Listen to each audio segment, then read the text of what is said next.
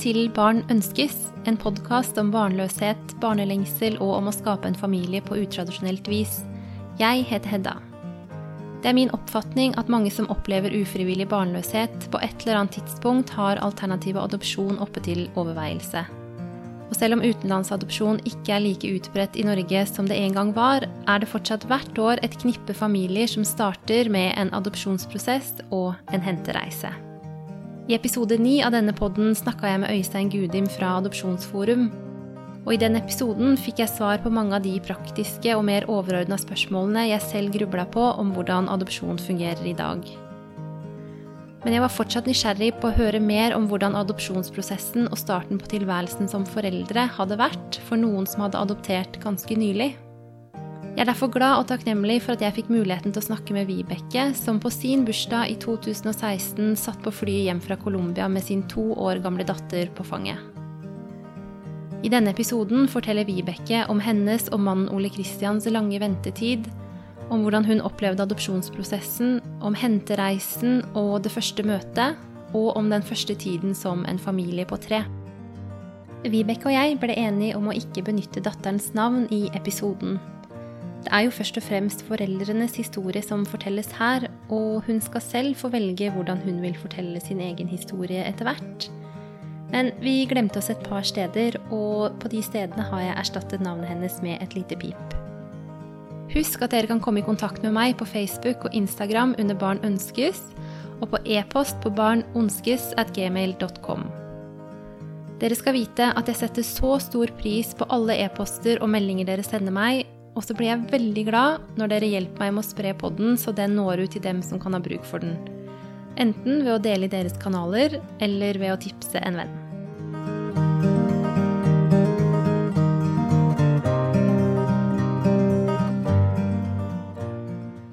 Hei, Vibeke. Hei. Velkommen til Barn ønskes. Tusen takk. Veldig hyggelig at du til og med har tatt turen hit til meg i dag. ja. Ja. Deilig med litt egentid på toget. Ja. Mm um, vil du starte med å bare fortelle litt om hvem du er? Mm, jeg heter da Vibeke, og så er jeg 42 år fra Oslo. Og så jobber jeg i en fagforening. Da jobber jeg med informasjon og service. Mm. Jobber i min fagforening ja, til og med? i Tekna. Ja. Mm, den beste fagforeningen. Ja. Um, og så har jeg vært sammen med mannen min Ole Kristian i 17 år. Og så har vi en datter som blir fem år om ikke så veldig lenge. Mm. Og det er det jo veldig, veldig hyggelig å kunne fortelle. For det har jo vært en lang reise. Ja. Eh, hun er da født i Colombia, og kom til Norge når hun var litt over to år gammel. Ja. Så nå sitter jeg her og skal fortelle deg om dette. ja veldig spennende. Um, jeg vil jo gjerne at vi får mye tid til å snakke om adopsjonsprosessen og den reisen deres i dag, men jeg lurer på Dere hadde jo uh, en prosess forut for adopsjonsprosessen også. Vil du bare litt i korte drag fortelle om den prøvetiden deres frem til det? Ja, um, vi hadde Altså, vi hadde vært sammen ganske kort før vi gifta oss. Vi gifta oss en kald februardag i St. Petersburg i 2004. Og da var det litt sånn Nå vil vi starte familie. Vi kom veldig plutselig dit. Um, hadde ikke egentlig hatt noe særlig barneønske før, men plutselig ble det litt sånn viktig for oss å ha familie. Uh, og så når man da oppdager at det ikke går, så blir du enda viktigere, på en måte. Mm. Jeg er jo gjerne litt sånn. Så ja, det var uh, Vi starta vel Jeg husker ikke når vi starta med IVF-forsøk, men det var ikke et års tid etterpå eller noe sånt, tenker jeg. Um, så vi var gjennom ett uh, ordinært forsøk og ett fryseforsøk før vi valgte adopsjon. Mm. Mm. Litt uh, Litt sånn nysgjerrig på, på det der med å komme til den beslutningen om å starte en adopsjonsprosess og å avslutte eh, IVF. Vil du fortelle litt om hvordan det var, og hva, hva tenkte dere da? Ja, eh, for, altså jeg, jeg, tenker at for oss var det en stor lettelse, egentlig. Mm. Fordi eh, Altså det å oppleve at man ikke kan få egenfødte barn, det jo, kan jo oppleves som en veldig stor livskrise uh, for mange. Um, og det å ikke ha kontroll, liksom, i eget liv, da, så gir du fra deg masse kontroll til liksom, helsevesen og leger og ja, andre som sitter på en måte med din framtid i sine hender. Det føltes litt vanskelig på mange måter. Og så føltes det litt sånn klinisk. Og mye altså, hvite legefrakker og reagensrør og laboratorier og liksom Ja, litt sånn klinisk. Mm. Um, og litt feil, egentlig, for oss, da. Og så, når vi da kom til den beslutningen om adopsjon, så føltes det bare helt veldig riktig. Mm. Og da ble det liksom den der fortellingen om vårt barn gikk fra de der hvite legefrakkene til å kunne liksom drømme om palmer og salsa, dans og eksotisk reise. Ja, Ja, det ble mye mer spennende og mer lystbetont. ja. å, Mye mer romantisk. Ja, så fint. Så det var en veldig Føltes veldig riktig for oss, da. Ja. Så var det viktig også å velge det, at det, det var plan A, liksom. At det var noe vi bevisst, at det ikke bare var en sånn reserveplan. ja, hvis det ikke går Hvis så det ikke går så Ja. Ja. Men var det, hadde, var det noe du hadde eh, på noen måte tenkt på før dere var i den situasjonen? Liksom For noen har jo sånn at de har tenkt lenge at kanskje det kunne være fint. Mhm. Jeg tror for min egen del, um, personlig, så jeg nok, har jeg nok alltid vært positiv til adopsjon. Jeg husker liksom at jeg prata veldig positivt om adopsjon da jeg gikk på videregående og sånn. Og snakka liksom om at nei, jeg skulle ikke ha egne barn, jeg skulle adoptere. Og det var nok en litt sånn rosa drøm, liksom. Mm. Litt sånn uh, veldig sånn idealist. Jeg visste nok ikke helt hva det gikk i det hele tatt. Men eh, Så det der med å ha egenfødte barn og biologiske barn har nok på et vis kanskje ikke vært så viktig for meg, da. Nei. Um, som eh, jeg skjønner at det er viktig for veldig mange andre. Så det har kanskje vært lettere på en måte å ta den avgjørelsen, da. Ja, fordi jeg tenker jo at um, at det høres jo ut som at det var en avgjørelse som falt ganske lett for deg. Det var jo Mm. sikkert en tankeprosess. Det var absolutt en tankeprosess. Og vi er jo to. Så um, vi var gjennom eh, Vi var på besøk hos Adopsjonsforum. Åpent informasjonsmøte. Eh, Vi meldte oss på adopsjonsforberedende kurs. Ja. Det var jo med tanke på å utrede muligheten, liksom. Um, så vi sendte jo ikke inn noen søknad før etter at vi hadde vært på det kurset. Mm. Så vi hadde gjort veldig mange tanker før det, selvfølgelig. Mm. Men det var eh, veldig naturlig for oss. Hva var det du liksom så for deg? Hva var drømmebildet, eller hva slags håp var det dere fikk da? Altså, håpet er jo det at du vet at det er et barn i andre enden. Stort sett, da. Ja. Det er bare helt ekstreme tilfeller på en måte hvor det ikke skjer. Men det er um, Så det var jo fra liksom være i en situasjon hvor verden føltes sånn helt blank, uten noen liksom opptråkka stier, du visste ikke hvor, hvor du var ferdig, på en måte. Hvor du kom i mål, til så føltes det ut som at nå veit vi veien. Noen kan lede oss på denne prosessen. Og det kommer til å ta kanskje tre år. Ja. Trodde vi da. Ja. Og så endte vi opp med å bruke åtte og et halvt år. ja. Det kommer vi også litt tilbake Ja. til. Men det er jo Det har jeg også tenkt på at eh, at, ehm, at det må være fint å, eh, å vite det at selv om det tar lang tid og det kan være en lang reise og mye man skal tenke på og gjennom, så Selv om man ikke er garantert et barn i andre enden, så er det jo en stor mulighet for at det blir det, da. Da blir det kanskje litt sånn konkret og håndfast. Man slipper å gå i den derre det. Blir det eller blir det ikke? Ja, Blir det så når man først har liksom jobba med å finne alle dokumentene, og gjort alle liksom Ja, all innsamling av dokumenter er jo en kjempejobb. Men når det er ferdig, så har du på en måte fri. Ja. Da kan du på en måte leve livet. Og reise og liksom dyrke hobbyer og være kjærester, og så vet du at det slutter om et par år, liksom. Og da har vi kanskje fått nok, da er vi mette av å, å leve det livet vi lever nå. Da er vi klare for å ta imot et barn. ja. Istedenfor liksom hele tiden jobbe, ikke sant, som du gjør med IVF, da. Å Ha håp, og så blir det knust, og så er det på den igjen, og så er det sprøyter, og så Altså, det er jo fryktelig mye jobb. Ja, det er en start-stopp-tilværelse i livet. Ja. Mhm. Men eh, når dere sto sånn litt i startgropa da på et veldig tidlig tidspunkt, hadde du noen bekymringer for det med å adoptere? Var det noe som Nei, egentlig ikke. Så jeg tror jeg har vært veldig sånn naiv, egentlig. Ja. Og litt sånn uh, blåøyd, kanskje. Jeg vet ikke helt, altså. Jeg hadde ingen eh, bekymringer. Altså, man vet jo at eh, man kan få barn med helseutfordringer, eller ha annen bagasje, selvfølgelig. Eh, men jeg tenkte ikke at det ikke var noe vi kunne fikse. Nei, ikke sant. Um, mm. Så jeg hadde vel ikke egentlig det, altså. Nei.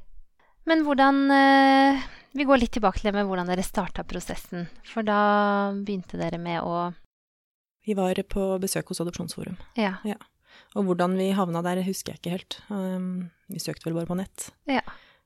eh, 2008, Facebook var ikke så innmari svært da, så jeg vet ikke helt hvordan, jeg husker ikke hvordan verden var før den tid. Nei. Men vi um, kom i hvert fall på et sånt informasjonsmøte. Eh, og så fikk vi jo ha samtale med saksbehandlere og sånt hvis vi ville det. For da var det liksom snakk om sånn, hvordan velger man land, ikke sant. Um, eh, hvordan bestemmer man seg, hvordan kommer man i gang.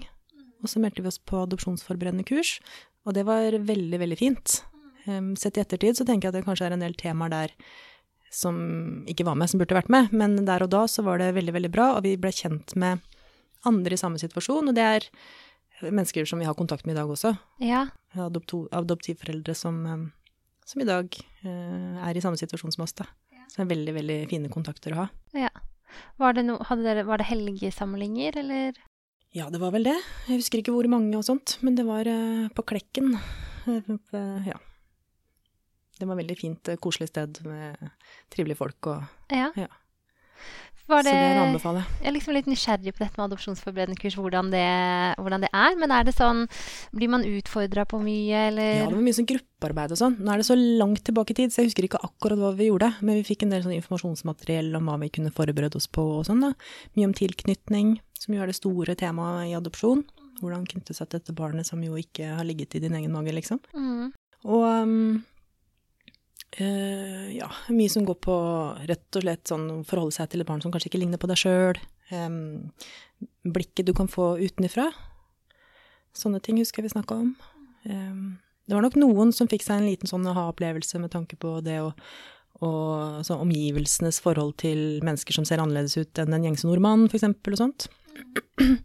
Så det var um, et veldig, veldig bra kurs. Men det var jo foreldredrevet, på en måte. Altså det var adoptivforeldre som var eh, kursholderne. Å ja, Ja, så så det, fint. jeg vet ikke hvordan det er i dag, men det var iallfall det den gangen. Ja.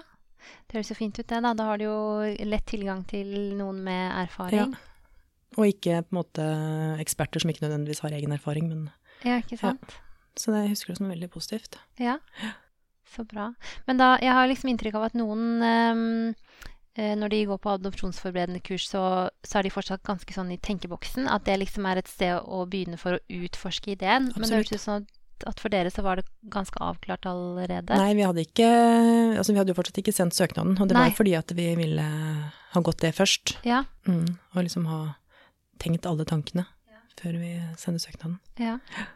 Syns at du fikk eh, at du fikk tenkt alle tankene i den Mm, det beste ja. var egentlig det å kunne snakke med andre. Møte andre i samme situasjon og sitte ved frokostbord og prate om det vi hadde hatt som gruppearbeid dagen før, eller Ja. Det skaper jo en bevissthet hos deg sjøl, ikke sant. Så det var egentlig den beste erfaringen, syns jeg. Ja.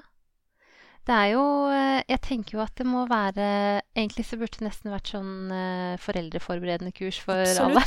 ja. Det Ja. høres jo kjempefint ut, og det er mange ting som man kunne ha godt av å få tenkt litt gjennom uansett. Ikke sant. Ja. Ja. Man går jo liksom på valpekurs og liksom får det ene og det andre man skaffer seg husdyr, men når man Ja. får barn, så er det liksom ikke noe spesielt. Nei. Um, og så, etter at dere hadde gått på kurs, var det da dere sendte søknad? Da sendte vi søknaden, så det var i 2008. Så det begynner å bli veldig lenge siden. Og det er jo Og da var det vel også da sånn at da er det søknad for å bli godkjent i Norge man begynner med? Ja, man begynner med den norske prosessen, og så blir man godkjent der, og så sender man søknad da til, eh, til giverlandet, eller ja, til Colombia i vårt tilfelle, da. Mm. Så vi brukte vel eh, et år på den norske prosessen. Det Ja. føltes veldig lenge. Og da er det sånn hjemmebesøk og sosialrapport og sånn? Det stemmer, og det høres jo fryktelig skummelt ut. Ja. det er ikke så veldig skummelt. Det er ikke det. Men det er jo ikke hver dag man liksom åpner opp døra for uh, offentlige saksbehandlere, liksom. Så man føler seg jo litt sånn granska. Hadde du vaska i alle kriker Ja. og kroker og bakt boller og jeg, jeg tror ikke jeg hadde bakt, men vaska Det var ikke så mye hybelkaniner, nei. Nei. nei. Man vil jo gjerne vise seg fram fra sin beste side. Ja. Ja. Husker du litt hvordan du opplevde det hjemmebesøket? For jeg tror mange liksom litt sånn syns det er litt Ja, I Oslo, da, der vi bor, og på den tiden så var det det lokale barnevernet Ja. som kom, og de som kom til oss, var eh, to ganske nyutdanna barnevernspedagoger. Og de um, kunne ikke så mye om adopsjon, Nei. dessverre. Så det var veldig hyggelig, men um, selve sosialrapporten ble ganske tynn. Ja. Så jeg husker de skrev veldig mye om f.eks. hva slags bil vi hadde, som jo ikke er så veldig relevant. Så vi måtte nesten fortelle dem mer om adopsjon enn det Altså, ja, jeg følte at vi satt vel med mer kunnskap enn dem, da. På feltet. Ja. Men det, altså, det gikk jo helt greit. Den blei jo godkjent. Det tok bare fryktelig lang tid, da. Fordi barnevernet lokalt var jo hadde ganske mye å gjøre, så adopsjonssakene var liksom ikke prioritert. Nei. Så vi venta, tok vel et halvt år før de i det hele tatt så på den, liksom. Og det er frustrerende. Det er ganske frustrerende. Ja. Men så måtte jo vi vente så lenge på barn at vi måtte jo søke en gang til, vi. ja. Så da hadde Oslo gjort det sånn at man sentraliserte det. Så da var det eh, noen kjempeproffe saksbehandlere som håndterte det, var veldig godt orientert om adopsjonsverdenen, og det var en stor lettelse. ja. Det var kjempedeilig å kunne prate med noen som visste hva det dreide seg om. For da var det akkurat samme prosess med hjemmebesøk og sosialrapport. Da var det det samme på nytt. Mhm. Men kjente du noe på det med å mm, føle deg granska, eller var du nervøs? Vet du hva, det blir man veldig fort vant til i adoptivsaker, Ja. fordi du blir så granska. Ja. Du skal jo til lege, ikke sant, og måles og veies og liksom undersøkes opp og ned og i mente. Um, og nå er det vel også flere som eh, skal ha psykolograpporter, Eh, det var det ikke noe vi holdt på. Så at du, det må du bare venne deg til, egentlig. ja. Fordi de er jo veldig opptatt av at dette barnet skal få det beste. Skal vite at eh, det er jo en alvorlig ting at to land på en måte enes om å skulle utveksle mennesker. Sånn at det skal jo være i orden. Mm. Så man bare tenker at det er ikke, det er ikke, de er ikke der for å liksom ta deg, men de vil sørge for at barnet skal få et godt liv. Og da er det jo ikke så nøye om de bollene er bakt, eller det er jo ikke det de ser på. Men de ser jo på relasjonen eh, paret imellom, ikke sant. Eh, om vi har stabilt eh, forhold. Om vi kjenner hverandre godt nok, om vi kommer til å samarbeide godt om dette barnet. Ja. At ikke liksom, ekteskapet ryker et par år uti. Det er jo sånne ting. Mm. Å skape et godt fundament. Mm. Men var det noe du var eh, eh, Hva skal jeg si eh, Hadde dere noen sånne faktorer som du var litt sånn usikker på om eh, de ville vurdere som positive eller negative, eller Eh, nei, vi er vel ganske innafor eh, holdt jeg på å si. Vi er ganske normale. Ja. Så vi hadde, vi hadde ikke det. Men eh, man er, altså, jeg har alltid lurt på om jeg står på en eksamen, jeg. Så jeg Ja. Selv om jeg stort sett har gjort det greit, liksom. Så det er jo, man er jo litt nervøs, selvfølgelig. ja, det skjønner jeg godt. Ja. Men det gjør jo bare at man liksom eh, fokuserer litt mer, da. Ja. Og så, ja, for da ble dere godkjent i Norge. Da ble vi godkjent i Norge. Og så ble det tid for å Hadde dere valgt land da, eller var det Ja. da dere valgte land? Nei, man må velge land eh, med en gang. Mm. Ja. Så da hadde vi valgt eh, Colombia. Og da var det å sette i gang eh, prosessen med å søke i Colombia. Så da er det jo en ny runde med å sanke nye dokumenter. Mm. Så mm, det tar jo sin tid. Jeg var innom Vi skrev blogg i vår Ja. prosess. Det startet Oi. vi med ganske tidlig, fordi vi syntes det ble så slitsomt å fortelle alle venner og kjente hele tiden om hvor vi var i prosessen, og de lurte på hvordan det gikk, ikke sant. Så blir man litt sånn lei av å fortelle det igjen og igjen. Man blir jo litt sånn lei seg av det, Ja. rett og slett. Ja. Så vi starta en blogg, og der hadde vi en sånn dagbok og fortalte litt om prosessen. Da. Det er bare lyst til å, bare for å gi et inntrykk av eh, og det å sanke dokumenter i en adopsjonsprosess, så bare tok jeg med meg et lite utkast, eller et lite utsnitt Oi, så fra spennende. Ja. bloggen. Her har jeg skrevet da eh, Og endelig, få dager før julaften, kom Ole Kristian, det er mannen min, Ole Kristians politiattest som vi bestilte i slutten av oktober. For å samle inn tre dokumenter har det tatt tre personlige oppmøter på offentlige kontor, fire e-poster og seks-sju telefonsamtaler, hvorav et par opptil en halv time telefonkø. Søknaden om politiattest klarte å komme bort i internposten hos politiet på vei fra Majorstua til Grønland. Og sånn kan det gå, det er bare ett dokument. Ja. Så det å sanke dokumenter er en kjempejobb. ja, det tror jeg på. Så du har nok å henge fingrene i, i starten av prosessen. Ja. Wow. Åh, men um, um, fortell litt om bakgrunnen for det valget av opprinnelsesland. Ja, der valgte vi med hjertet. Ja. Uh, Og det blir man jo bedt om å gjøre også. Man skal jo ha et forhold til det landet resten av livet. Så det bør jo helst være et sted du kanskje har lyst til å reise til noen flere ganger. Og har lyst til å kanskje spise maten derfra, eller høre på musikken derfra, eller ja, noe som du føler at det er litt eh, Du har lyst til å omgi deg med, da. Ja. Og for oss er Latin-Amerika øh, var mer det enn eksempel Asia, der har vi ikke vært så mye, kanskje. Altså, vi har ikke vært i Sør-Amerika heller, men nei, det føltes liksom mer naturlig, da. Til liksom fotball og samba og liksom det er, øh, ja, ja. noe vi liksom sånn intuitivt liksom tiltaler oss, da. Ja. Og så Så det fint. var liksom første Ja, sånn har, jeg, sånn har ikke jeg tenkt på det i det hele tatt. Jeg er jo så ingeniør i huet, så jeg er litt sånn Da velger man der som det liksom Hvor forholdene ligger best til rette, Ja, liksom Men det er jo det er selvfølgelig det også. Eh, Vi valgte jo Colombia fordi det er eh, De har et veldig godt system for adopsjon. Man har gjort det i veldig mange tiår. Man har eh, godt samarbeid, et veldig godt barnevern. Eh, De tar godt vare på barna sine. De gir veldig gode rapporter. De er veldig grundige. mm. Så det er selvfølgelig. Men de fleste landene som Norge samarbeider med, har jo gode rutiner. Ellers hadde ikke Norge, sam Norge samarbeidet med dem. Så først og fremst med hjertet. Ja. Ja. Men så har vi jo venner som valgte med hjertet og valgte f.eks. Peru, som er et land som det nesten ikke kommer barn fra. Hvor det kanskje kom to barn i året, liksom, som kunne vente i ja, kjempelang tid. Ja. Det ironiske var at de fikk jo barn lenge før oss. ja. Så Tenk man vet ikke. Mm. nei. Men veldig fin eh, Dette var en veldig fin tanke, det med å tenke liksom Ja, hva, hva kjenner dere at uh... Ja, for det er jo en kultur som man skal formidle til barna. Ja, og det er jo noe faktisk vi har skrevet under på, at vi skal formidle eh, colombiansk kultur til, Ja. eh, til vårt barn. Da. Så da er vi jo på en måte litt forplikta til å, å gjøre det. Da bør det jo være noe vi enten har kjennskap til eller har lyst til å ha kjennskap til. Ja. Så var det lettere for oss å lære spansk enn thai, eksempel. Ja. Ikke sant? Lærte dere dere spansk? Vi lærte iallfall nok spansk til å kunne prate med en toåring. Ja. Ja. Ja, ikke sant? Så ja, jeg hadde litt hjelp fra før, fordi jeg kunne litt italiensk og litt fransk og sånn. Så spansken gikk sånn høvelig greit. Men man må nesten kunne det, altså. Det må man. Man får jo et barn med språk, så det Ja, ikke sant. En toåring har jo gjerne språk. Om man ikke snakker så mye selv, så er man i hvert fall vant til å høre og jo. forstå. Ja, Mm. forstå det. Men da hadde dere altså sendt søknaden til Colombia, og så kom det en ventetid. Ja, det gjorde det.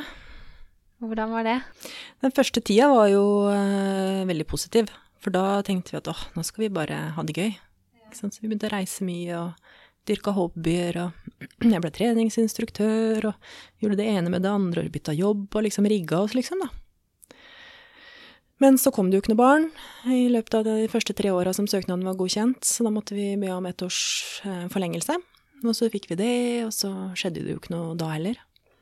Så da begynte det å bli ganske trått. Mm. Um, Så um, vi måtte jo søke på nytt da, og ja, den siste, de siste tre åra var ganske tunge, altså. Det må jeg si. Vanskelig å liksom motivere seg, eller vi begynte vel egentlig å tenke mindre og mindre på det. Ja. Og prøve å fokusere på andre deler av livet, egentlig. Ja. Og så blir jo disse spørsmålene fra andre blir jo også vanskelig. Hvorfor får ikke dere barn, liksom? Skulle det ikke bare ta tre-fire år? Ja. Og da var det jo helt konkrete ting som hadde skjedd i Colombia, som gjorde at uh, saksbehandlingen bare stoppa opp. Hvor det var noen kritiske, altså journalistiske uh, dokumentarer om uh, utenlandsadopsjon, Ja. som eh, gjorde at eh, barnevernet rett og slett eh, måtte stoppe opp og så ha en litt sånn intern evaluering. ja, ikke sant. Og da gikk, det jo, gikk jo tida. Mhm. Ah. Så det var veldig slitsomt. Men uh, vi hadde vel egentlig tenkt å gi oss. Vi hadde ikke tenkt å søke om enda en runde, for da begynte vi å føle oss ganske gamle, egentlig. Vi begynte å nærme oss uh, Ja, jeg begynte å nærme oss begynte å nærme meg 40. Men så kom jo da Ja. telefonen. Ja. Mhm. Jeg har lyst til å være liksom litt mer i den ventetiden før vi går videre, men jeg liksom lurer på hvordan hvordan så barnelengselen ut og sånn i den perioden hvor dere gikk sånn og venta? Kommer det å gå litt, eller Altså, hva skal man si Ja, den kom og, kom og gikk. Um, det blir jo litt som når man er i IVF og ser andre som er gravide, og tenker at Altså, man blir jo frustrert, mm. ikke sant? Um, jeg vet ikke hva jeg skal si, ja. Det var en uh, periode med mye frustrasjon, vanskelig. Og det påvirker jo livet på mange vis, både profesjonelt og Så det er vanskelig å være Altså, det påvirker hele livet, da. Så det Det som jeg kanskje syns er vanskeligst med det å, å ha slitt med å få barn på den måten, er forholdet til venner, egentlig. Ja. Fordi venner får jo barn, og de vokser opp, og så innser man at nei, man fikk jo ikke barn samtidig, eller man sklir kanskje fra hverandre fordi man er på helt andre steder i livet, da. Det syns jeg har vært veldig vemodig. Um, og det syns jeg egentlig fortsatt, fordi vi jo nå har barn på helt uh, forskjellig alder, da. Men um, det var kanskje det vanskeligste i ventetida. Mm. Det er å innse det, at det, tida bare går, liksom. Mm. Og det er ingenting man får gjort. Det er ingenting man får gjort med det. Nei. Og det er så frustrerende å ikke ha kontroll i det hele tatt. Du har ingen uh, hender på rattet, liksom. Det er helt prisgitt andre. Og det er jo det man kjenner på også med IVF, at det er liksom Du kan ikke gjøre noe med det. Nei. Alle andre ting kan man liksom fikse, men det kan man bare ikke fikse. Nei. Og enda der så prøver i hvert fall jeg litt sånn krampaktig å kontrollere de få tingene jeg kan. Ja, ja. Men og det man prøver man jo. Ja. Men her er det liksom en helt annen eh, Et land på andre siden av jordkloden som sitter og skal bestemme dette. Ja, ja, ja, ja. Og prosesser som liksom Ja, det hjelper ikke å ringe og mase Nei. eller Det er ingen å ringe og masse på. Nei. Men jeg har jo vært innom eh, Jeg jobber jo ikke så veldig langt fra kontoret til Adopsjonsforum, så der har jeg vært et par ganger. Og bare bedt om å få lov til å prate. Ja. Fordi eh, det var jo Altså, de er jo egentlig rigga for at adopsjonsprosessen skal gå mer eller mindre som vanlig, sant. Så så havna vi i en situasjon hvor det var ganske mange som hadde venta fryktelig lenge. Og de er jo en eh, adopsjonsforening for barna, og ikke for foreldrene. Mm. Men eh, akkurat i den perioden så tenker jeg at det kanskje kunne ha vært hensiktsmessig å gjort noe mer, altså gitt informasjon, eller hatt møter, eller For Ja. oss, da. Ja, for jeg ser jo for meg at det er en livssituasjon hvor man eh, Det er noe som ligger under hele tiden, Mhm. som man på en måte Ja, selv om det ikke Det skjer kanskje ikke så fort at man, sånn som nå holder på med IVF, ikke planlegger sommerferie og ikke planlegger den konserten og sånn. Det blir kanskje ikke helt sånn, men allikevel så Ja, men det er jo hele tiden der Skal jeg bytte jobb nå, eller skal jeg ikke- ikke bytte jobb nå, eller skal vi flytte dit, skal vi ikke flytte dit Altså det er alle dere Du blir jo liksom låst, da. Ja, ikke sant? Fordi du hele tiden skal være beredt, og så skjer det ikke. Ja. Og jeg vil kanskje også se for meg at det er noe med det der, i hvert fall kjenner jeg at det er, det er et eller annet med sånn håp som kommer og går, og Eller mot som Ja. kommer og går, Ja, det kjenner jeg meg veldig godt igjen i. Ja. I noen perioder tenker man dette løser seg, Ja, og ja, ja. dette klarer vi, og vi har, et, har det fint mens vi venter. Og så er det noen dager som bare er helt sånn Dette orker jeg egentlig ikke. Nei. Nei, det var nok litt sånn, altså. Mm. Mhm. Men til slutt så fikk dere forespørsel. Mhm.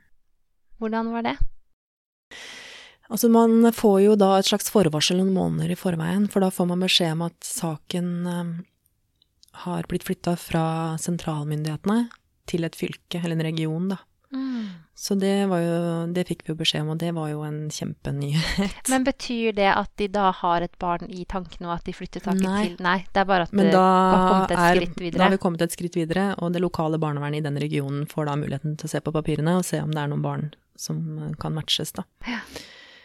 Så det fikk vi beskjed om. Så vi visste jo at det kanskje kom til å skje, men det trengte ikke å skje noe. Da, da skjer det sånn at dokumentene bare blir sendt tilbake igjen til sentralmyndighetene, og så kanskje man får en ny region igjen og sånn, og det er ikke uvanlig, da. Mm. Men jeg satt da i et møte på jobb. og Når jeg kom ut fra det møtet, så hadde jeg mange ubesvarte samtaler på telefonen min. Mm. Eh, og da var det både mannen min og Adopsjonsforum som hadde ringt, så da skjønte jeg jo at nå er det noe. Ja, for da hadde de fått tak i han. Da hadde de fått tak i mannen min, Ja. så da ringte jeg han. Og da var han helt på gråten. Det, Og det pleier han, ja, og det pleier han ikke å bli.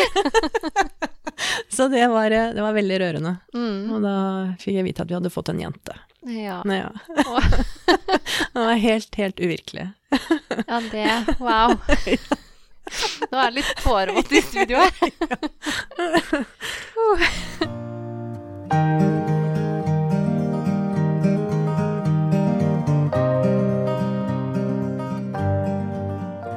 Så da fikk vi På kvelden da så fikk vi mail med bilder av henne, og hun var helt nydelig. Ja.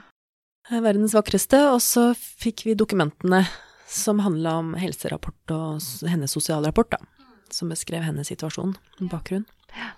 -hmm. Og da var det vel sånn at dere, at dere skulle ha muligheten til å gjennomgå alt sammen før dere tok et endelig valg? Ja. Så det er jo en forespørsel. Ja. Jeg vet ikke om det er noen som sier nei når man sitter der. det, ja, nei, det var eh, Vi sa et stort og klart ja. Ja, Ja. ikke sant? Mm. Å, så fint. Mm. Men da Hva skjedde så? Var det liksom en ny venteperiode med å Ja. vente på hentereise, da? Da var det jo hentereise. Den var vel ikke helt avklart eh, med en gang. Det tok noen uker. Jeg lurer på om denne telefonen kom i oktober, og så reiste vi i november. Så da er det jo igjen masse dokumenter, ikke sant, og visumer og, og sånt som må gjøres, og vaksiner og Sikkert veldig lange masse uker. sånt. Ja, og Mm. sikkert veldig lange uker, for da vil man jo gjerne bare få den ungen Absolutt. Men det er masse å ordne med, så du, du tenker ikke så mye. Det Dagene er, flyr. Dagene flyr. Ja. Og så skal du ordne med liksom søknad om, eh, om eh, permisjonspenger, og permisjon fra jobb, ikke sant. Så det er jo mye som skal ordnes. Mm. Men da er jo, da løser jo alt seg. Plutselig så har jeg liksom bare alle kiloene du har gått og båret på, har jo bare Ja, rast av deg. ja, det må være sånn utrolig spesiell tid. Ja. Det er veldig, veldig fint. Ja. Så tror jeg kollegaene mine også syns det var veldig, veldig fint. De har jo liksom fulgt, fulgt meg i prosessen, og nå sett også at jeg har hatt eh, vanskelige perioder. Så nei, det var veldig hyggelig beskjed å gi videre også. Ja. Mhm. ja, det kan jeg tenke meg. Mhm. Og så ble det tid for å reise. Ja. Hvor lenge var dere der? Du, vi var der eh, i Colombia i tre uker, og det er jo veldig kort tid. Ja. Når vi starta prosessen, så ble vi forespeila en hentereise på ca. to måneder. Ja. Så, mm, men de har klart å finne en domstol i et område like utenfor Bogotá som er veldig hurtige, og som er veldig positive til utenlandsadopsjon. Som er en veldig positiv dommer. Så nå sendes alle saker på sånn ekspressfart gjennom der. Å, så smart. Så det er veldig, veldig fint. Ja. Så mm, nei, vi var der i tre uker. Første uka var vi da i Bogotá. Um, og så var vi Vi reiste sånn at vi fikk en langhelg for oss sjøl i forkant av møtet med, med en Så vi fikk eh, opplevd litt av Bogotas eh, eh, Ikke uteliv, men iallfall litt mer sånn ta seg en øl på puben en siste gang, og litt sånn, sånne ting som man ikke får gjort på en stund da, når Og man blir bare akklimatiserte det litt? Ja, akklimatisere også sånn. Og så kom jo det store møtet, da. Det er jo ekstremt spennende.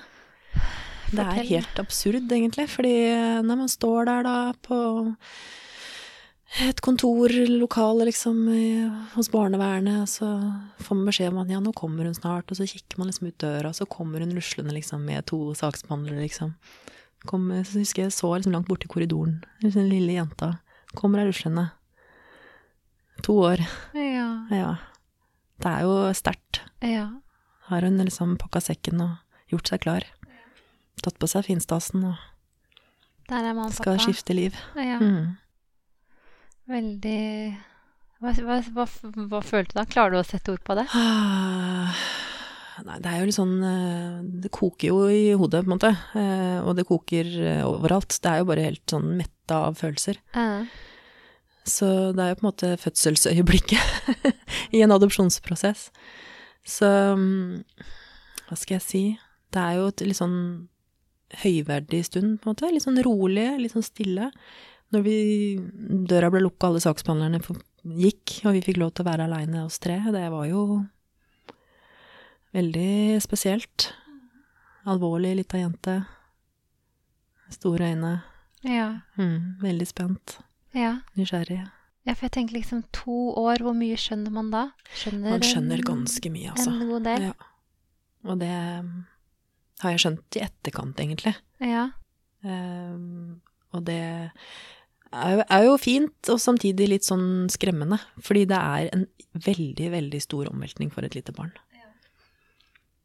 Man tenker jo liksom at det er um, At man kommer og liksom redder dette barnet, men man, i mange tilfeller så gjør man jo egentlig ikke det.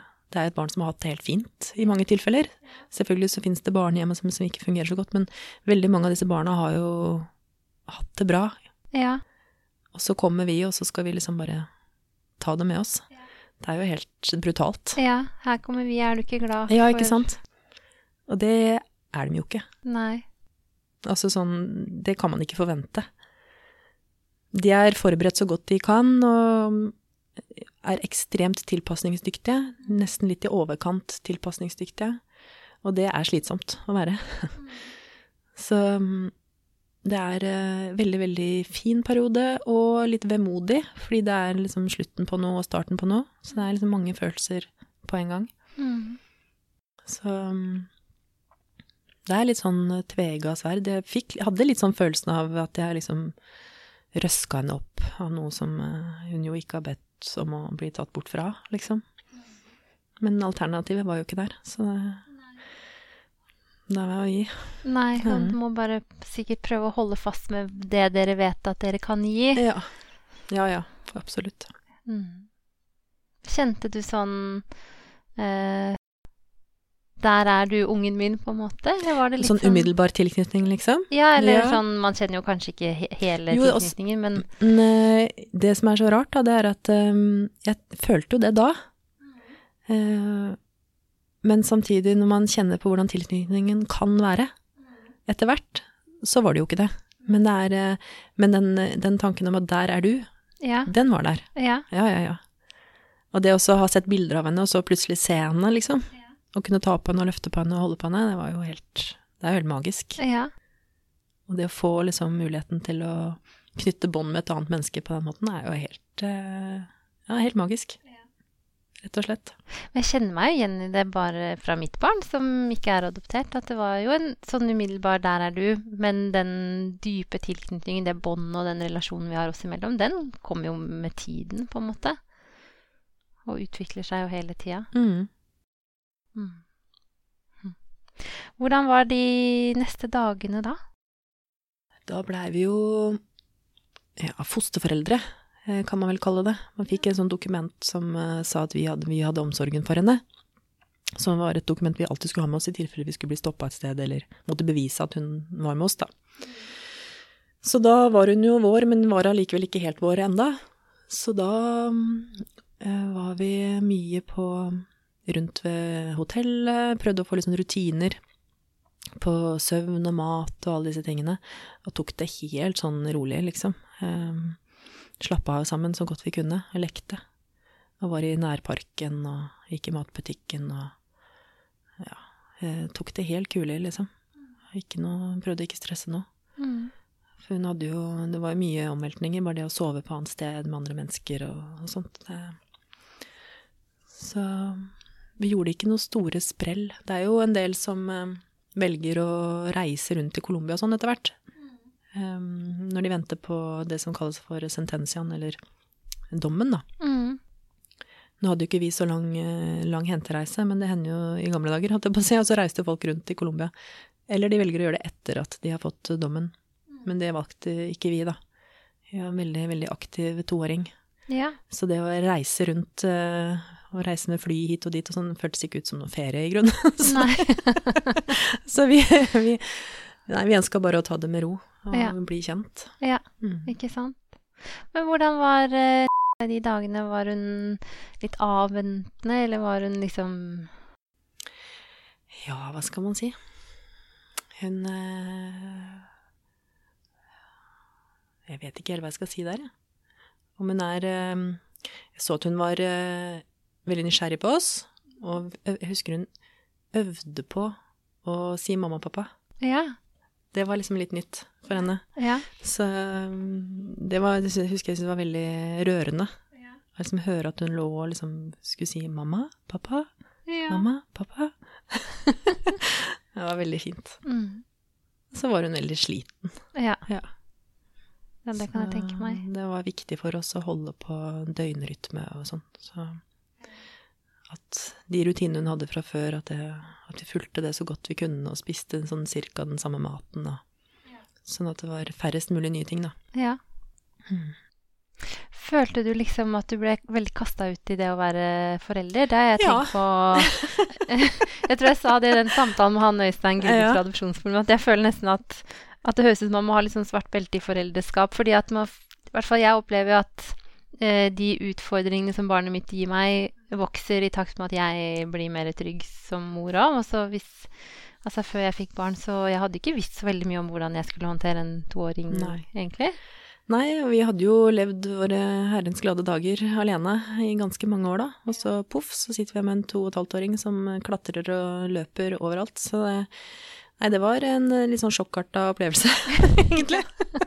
vi trodde jo vi var forberedt, men eh, nei, jeg tror ikke man kan egentlig bli helt det, altså. Nei. Så veldig, veldig gøy og veldig slitsomt. Ja. Hjelpes. Ja. Man tror man liksom har vært sliten før, men man har jo ikke egentlig det. Nei. Nei. Så mm, Ja, så da var dere der, og så fikk dere dommen, og så mm, etter hvert så fikk dere reise hjem. Mm. Det var deilig. Ja, Ja, det, det var kjempefint. ja, Jeg reiste hjem eh, med en på fanget den dagen jeg fylte 40 år, ja. så det var 40-årsgaven min. Og det var i mm, starten på desember, så da hadde vi veldig hjemlengsel begge to, egentlig. ja. Da hadde vi sittet eh, Ja, det er mye hotellrom, altså. Mye venting, hotellrom og offentlige kontorer og dokumenter. Og du styrer på en måte ikke din egen dag, ikke sant. Eh, Så ja, veldig deilig å komme hjem. ja. Og kunne vise rommet sitt, som hun hadde sett bilder av mange ganger, og bare lurte på når er det jeg egentlig får sett dette rommet, liksom. For jeg hadde jo hele tiden flytta på oss, og så kom det bare nye hotellrom. ja. Så det å komme hjem var kjempedeilig. Og så hjem til deres første familiejul. Mm. Det må jo også ha vært veldig Ja, og det er jo litt sånn spesielt, fordi at når man adopterer, så blir man jo um, Man blir jo anbefalt å um, være litt sånn skjerma fra andre. Så det å feire jul var jo litt sånn Hvordan skal vi gjøre det? Så um, vi endte opp sånn fram og tilbake, så endte vi med å feire jul med mine foreldre hos oss, da. Så de var på en sånn snarvisitt. For man blir litt sånn brakkesjuk og føler seg litt ensom når dagene går og man bare ser hverandre hele tiden Ja. så kan man eh, ja, føle litt på at det blir litt, eh, blir litt tett. ja, det kan jeg tenke meg. Så det, nei, men det var veldig fint å komme hjem og sette opp eh, julelys og kunne feire med barn. Ja. Ja. Og masse gaver, ikke sant. Ja. Og det, ja, for jeg tenker jo mm, at det der med Jeg vet i hvert fall for meg selv og veldig mange andre at det der med jul er jo en sånn Barnehøytid. Eh, Barnehøytid. Ja, det er jo en sånn tid hvor den barnløsheten føles veldig påtrengende. Mhm, Det er det og 17. mai og sånn, liksom. Det er veldig påtrengende. Så liksom, jeg må se for meg at det må ha vært Ja, det var skikkelig godt i sånn førjulstida da, og liksom tenke at i, i år så, I så er vi tre tre stykker som yes. går inn i jula. Mm. Ja. Og kunne liksom gi noen ikke sant, julesanger og Ja, gi det videre, da. Det er jo veldig hyggelig. ja kjempefint. Mm. Mm. Hvordan syns du den første, liksom de første månedene og sånn var? Jo, vi, um, vi gjorde det sånn at vi delte permisjonen i to, så jeg var hjemme første halvåret. Og det var eh, veldig koselig. Det var eh, mye lek og moro og mye tilknytning. Altså det der med å kjenne hvordan det båndet blir sterkere, det er jo veldig godt. Og så merker man veldig når det ikke fungerer. Um, men det var veldig, veldig fin tid. Og jeg gikk jo hjemme i vinterhalvåret, altså sånn fram til mai. Og så hadde jeg en toåring, og vi har jo da en leilighet i Oslo som ikke er veldig stor, så vi måtte jo ut hver dag for å kunne liksom leke og herje. Så jeg gikk jo ned ti kilo på det halvåret. jeg gikk og jeg gikk, og vi var ute, og vi klatra og vi kløyv. Ja. Og jeg husker jeg var veldig, veldig opptatt på at hun skulle få den dagsovinga si. For jeg har veldig tro på liksom søvn og hvile og utvikling, at det henger veldig godt sammen, og at du får liksom prosessert ting og ikke sant. Så hun skulle sove, og jeg gikk med denne vogna i milevis, for at hun ville jo ikke sove. Nei. Det var Hadde andre planer. hun hadde andre planer. Så, men nei, det var en veldig fin tid, altså. Så jeg husker det som utrolig sånn befriende å kunne eh, stå opp om morgenen, og så koser vi oss, og så kler vi på oss, og så går vi ut. Og så bare kjenne frisk luft og kunne være ute hele dagen. Kjempedeilig. Gå i skogen og Og etter hvert så merka jeg jo at hun trengte jo å se andre barn. Fordi det holder jo ikke liksom bare med voksenkontakt. Så jeg oppsøkte Åpen barnehage, som var i nærområdet. Og så der traff vi en annen adoptivmamma og en adoptivsønn som var like gammel som Så da hang vi en del sammen med dem resten av permisjonstida, og det var utrolig hyggelig. Kunne ha noen For det er ikke noen sånn barselgruppe og sånn, ikke sant, for oss. Nei. Så vi hadde vår egen lille barselgruppe. Det var Ja. veldig hyggelig. Det kunne det nesten ha blitt arrangert. Ja, det er jo ikke så mange, vet du. Så, men det fins nå en sånn. Facebook-gruppe, iallfall i Oslo, uh, hvor det er mulig å få kontakt med andre som er hjemme i adopsjonspermisjon. Og så blir man jo som sagt eh, anbefalt å være sånn skjerma, så det er, man må liksom balansere litt aktivitetsnivå og hvem man treffer og, og sånn, da. Og tid og sted, på en måte. Ja. Men det er veldig fint, for man blir litt sånn brakkesjuk, eller kan bli det.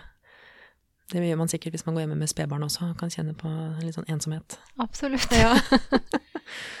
Men eh, hvordan, uh, hvordan syns du det gikk med tilknytning og sånn? Var det Nei, man er ikke ferdig med det. Nei. Det er eh, Jeg mener å huske at vi lærte noe om at man liksom skal gange alderen med barnet, til barnet med tre, eller noe sånt, ja. før man liksom kan si at barnet på en måte har slått røtter, da. Ja. Så nei, tilknytning er, um, er man ikke ferdig med.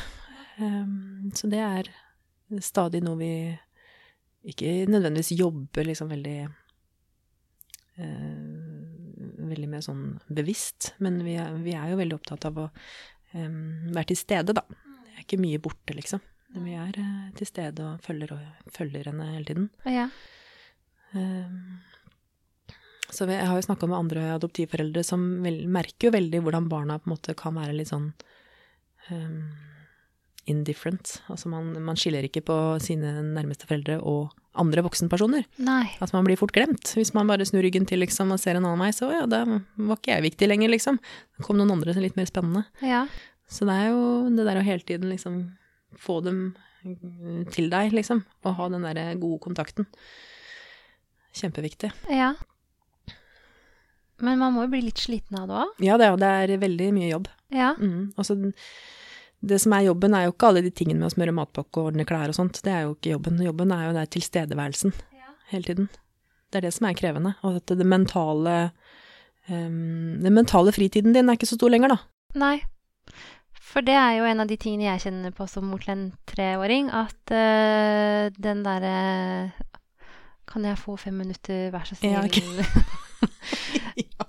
ja. uh, og, ja, og det er en sånn, sånn ting jeg har tenkt på, mm, eller som jeg har reflektert over med det med adopsjon, at jeg lurer på om jeg hadde vært eh, Altså, vi har et, et veldig viljesterkt barn, da, på Mhm. godt og vondt. Det kan jeg kjenne meg igjen i. Eh, og det er, hender jo at tålmodigheten tar slutt. Og da eh, lurer jeg på om jeg liksom hadde vært sånn eh, nervøs for om jeg skada tilknytningen mm. på noen måte, eller Men det har vi lurt på. Ja, Ja. ja da. Vi, vi, vi er ikke feilfrie. Nei. nei. Uh, nei da. Nei, så vi, eh, vi har eh, gått på en smell. Det har vi. Vi har også mm, aktivt oppsøkt på en måte motivasjon til å bli bedre, da. Ja. Jobbe med det sjøl. Altså fordi at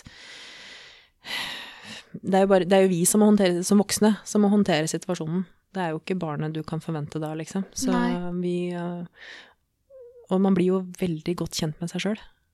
På en helt annen måte enn det man var når man var aleine. Det å få barn gjør jo at du blir kjent med dine verste sider, liksom. Ja, ja. Så mm, vi har gått på noe som kalles for fredsarbeid i heimen, som er et fantastisk kurs. Oh, ja. Som er sånn eh, nett, nettkurs, da. Ikke at jeg skal nødvendigvis reklamere for det, men det er eh, Vi så behovet for å lære mer om vår rolle, rett og slett. Hvordan vi kan bygge opp under For vi er også et viljesterkt barn, som bygger opp under vår lederrolle på en god måte. ja. Og eh, lære å håndtere oss sjøl på en god måte, sånn at vi kan være gode rollemodeller. Mm. Veldig nyttig. ja. Veldig Det høres ut som et godt tips. Mm. Ja, for det er liksom den derre Jeg tror at jeg hadde kanskje tenkt at jeg måtte være eh, Hva skal jeg si, da? En, en enda bedre mor, da? Eller Ja. sånn Man eh, føler det jo litt sånn, tror jeg. Fordi vi har jo på en måte fått barnet til et annet land. Ja. Eh, Noen har gitt oss dette ansvaret.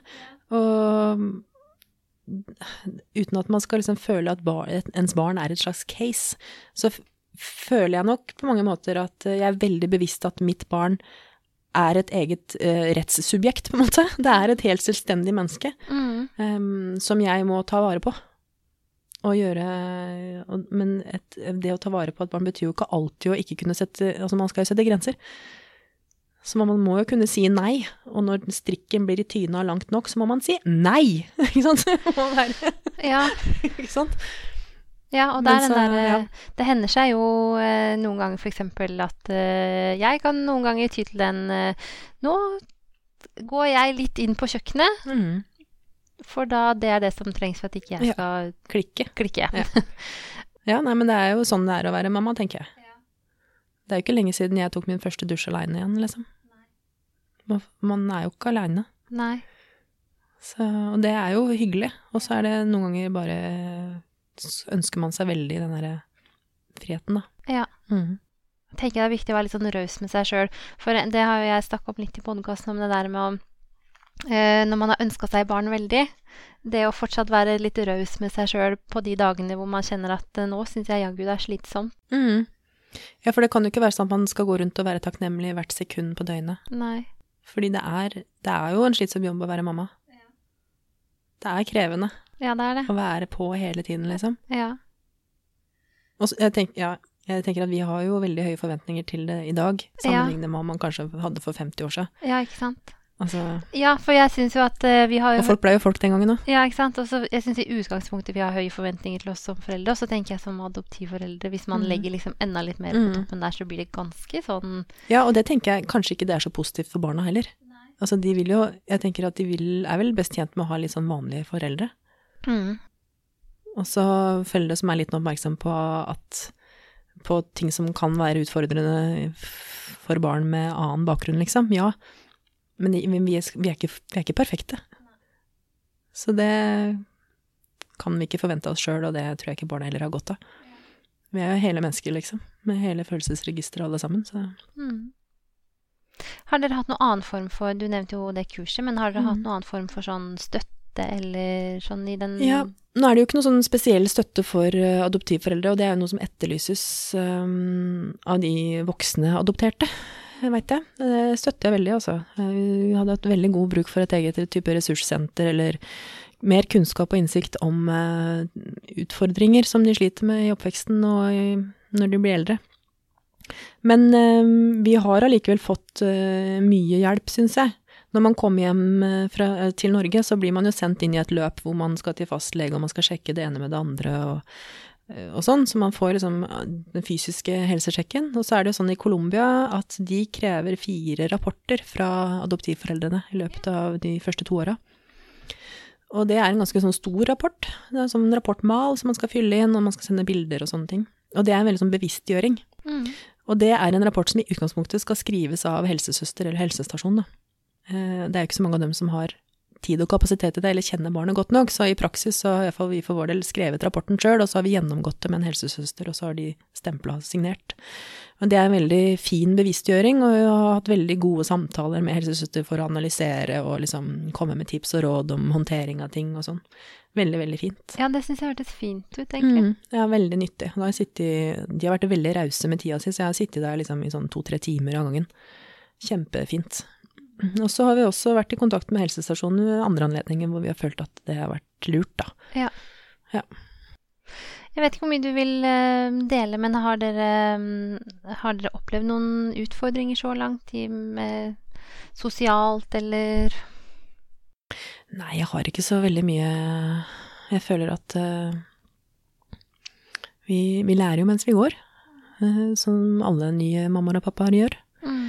Så vi har jo Vi har ingen så Vi har en ordinær adopsjon, så vi har jo ikke noen spesielle helseutfordringer eller noe sånt.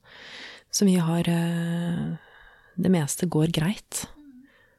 Og jeg tenker hvis det er noen som har bekymringer for type sånn, sånn alder på barnet, eller språkutvikling og sånne ting, så er det hvert i vårt tilfelle så er det helt eh, problemfritt. Altså, vi, hun har jo vært i Norge nå i litt over to år, og hun kunne ha liksom Altså, enhver eh, forhandlingsekspert hadde blitt eh, snakka i senk av henne. Så det Ordforråd og verbalitet er det ingenting i veien med. Nei. Så fint. Ehm, hvordan, eh, hvordan ser du liksom tilbake på hele reisen eller prosessen i dag? Ja, jeg har jo ikke egentlig tenkt så mye på det, fordi at dagene har liksom gått i ett siden vi kom hjem, egentlig, selv om det nå er liksom to år siden, liksom. Eller to og et halvt år siden, da. Så det er veldig fint at eh, jeg fikk komme hit og tenke, tenke på den her. Ja. Sånn fin oppsummering. Altså, jeg syns um, prosessen var jo altfor lang. Det er ingen som skal gå og vente så lenge. Det er ingen som har gått av, liksom. Og så tenker jeg at det er eh, noe med disse barna også som sitter og venter på nye foreldre. Jeg syns det er eh, trist å tenke på at ikke de bare kan få nye foreldre med en gang, liksom, istedenfor å bli liksom både to og tre og fire år. Ja. Så ventetida syns jeg fortsatt jeg tenker tilbake på som kjip, rett og slett. ja. Deler av den. Men hentereisen, fantastisk eh, tur. Jeg må bare få lov til å skryte av de som jobber, altså som jobber for Adopsjonsforum i Bogotá. Fantastisk opplegg, altså. De er altså så eh, dyktige i jobben sin.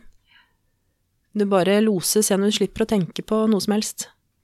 Du bare forteller deg akkurat hva du skal gjøre, og du blir tatt med hit og dit. Ingenting å tenke på. snakker engelsk, noen av dem snakker norsk, for de har vært så mye med nordmenn at de har fått lyst til å lære litt, så de kan snakke norsk. Ja, Supert, rett og slett. så fint. Enkelt. Ja. Så bra. Mhm. Hva tenker du litt sånn om det eh, Om årene som kommer, da, med eh, Altså, er, du er jo en mamma som alle andre mammaer, men tenker du liksom mye på hvordan eh, Hvordan det å spesifikt være adoptivmamma blir fremover, eller for datteren din, eller Ja, jeg, jeg håper jo at ehm, datteren vår har lyst til å reise tilbake til Colombia. Eller har lyst til å bli med oss, da. For vi har veldig lyst til å reise dit på ferie. Eh, kanskje om ikke så veldig mange år, til og med. Ehm, for å reise rundt og se litt mer av landet, som vi jo gikk, litt glipp av sist. Så det håper jeg veldig. Og så håper jeg at ehm, at vi klarer å hjelpe datteren vår til å ha et godt sjølbilde, og eh, å kunne liksom ha positive følelser for sitt opprinnelsesland, da. mm. For det har vi. Vi er veldig stolte av henne, og egentlig stolte av oss som familie. Vi syns vi har gjort en veldig god jobb sammen i de, de to åra. Og har blitt en veldig sammensveisa gjeng som fungerer veldig godt. Mm. Så jeg bare håper det fortsetter sånn, liksom. Ja. Snakker dere mye hjemme om at hun er adoptert? Og... Ja, det Ja. gjør vi. Og det kommer jo egentlig litt av seg sjøl, fordi altså, fireåringer, de spør og graver. Ja.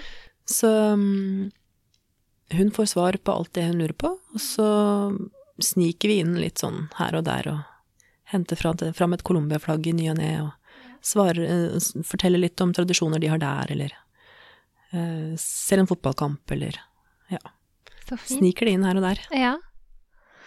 Det er jo kjempefint, tenker jeg. Mm, jeg håper det. Ja.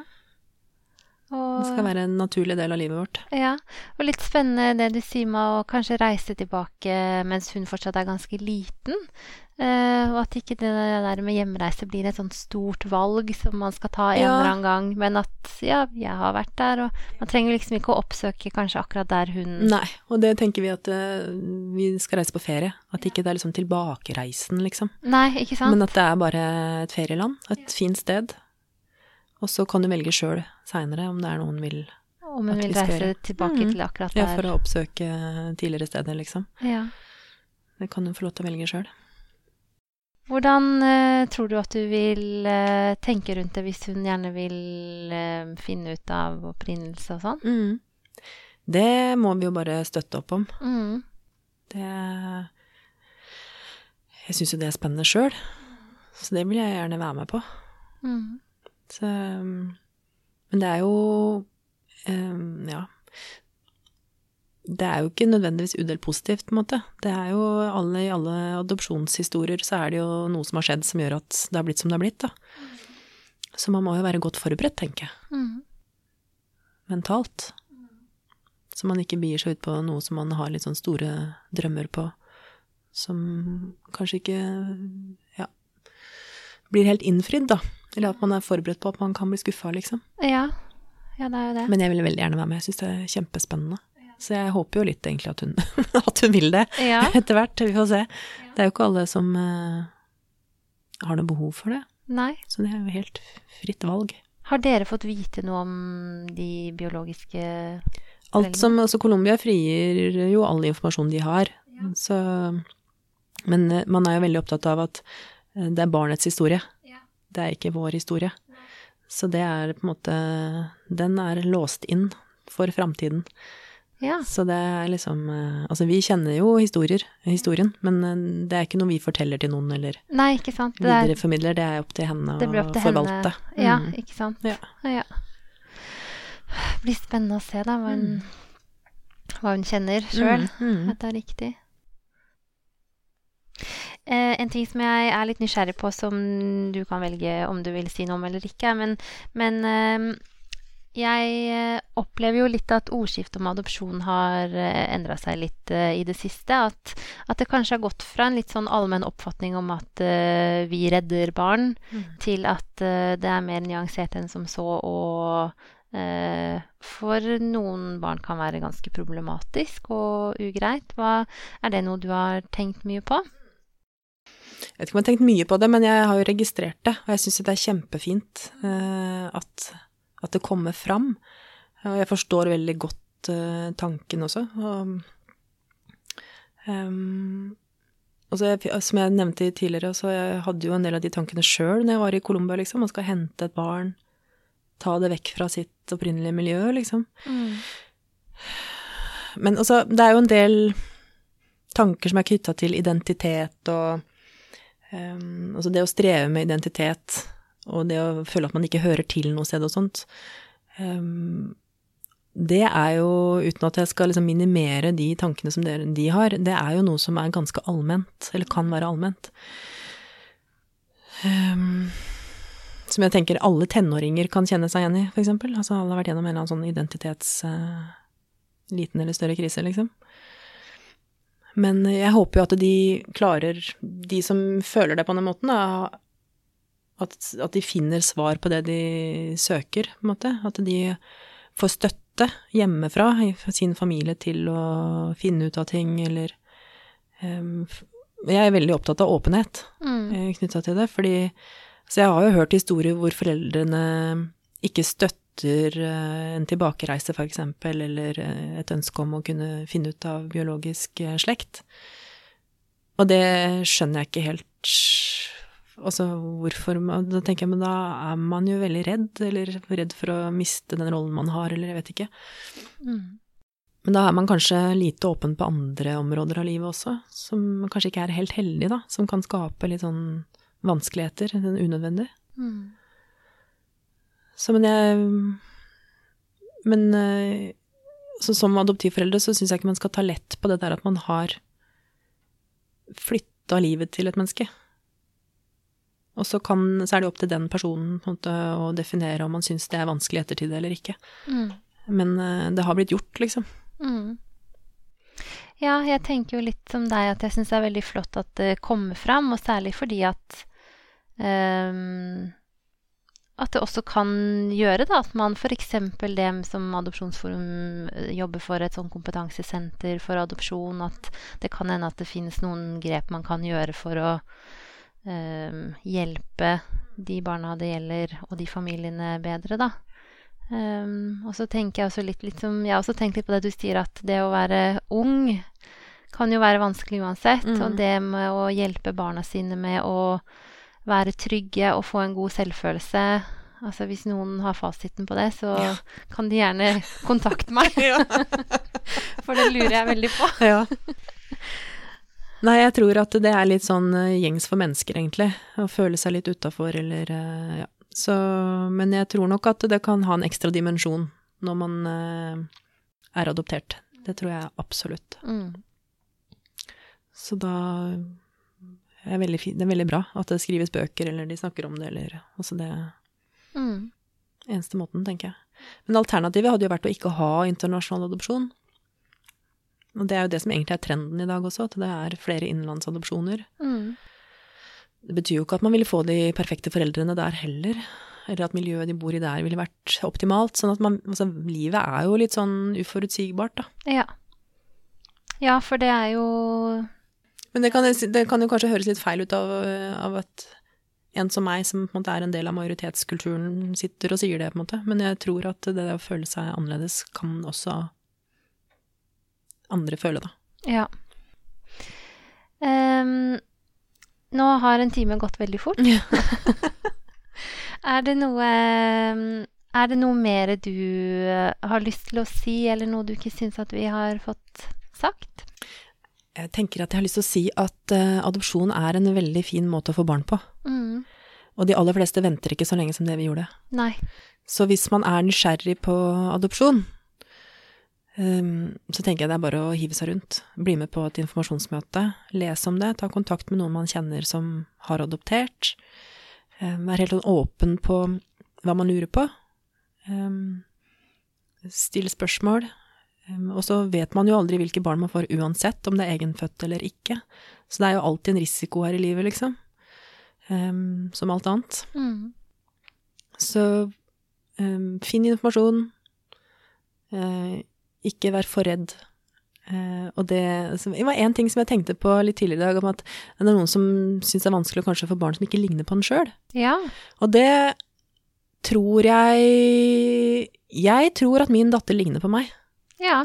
Fordi det å ligne på noen er jo ikke bare hva slags nese man har eller hår, men det er jo måten man prater på, fakter, kroppsspråk, måten man går på, danser på. Så det er så mange måter man kan ligne hverandre, og jeg er ganske sikker på at vi ligner på hverandre hjemme i min familie. Ja, absolutt. Altså, det å ha barn er jo som eh, å ha et speil, og da mener Ja, jeg ikke med utseende. Da mener jeg du får jo dine egne vaner. Oh yes. Midt i fleisen. Ja. Ja. Altså, det Så det, jeg du det, Så det blir på en måte Du ser deg sjøl Ja, i det barnet uansett. Ja. Mm. så fint. Tusen, tusen takk for at du ville komme hit og fortelle. Det har vært kjempespennende å høre. Takk for at jeg fikk komme.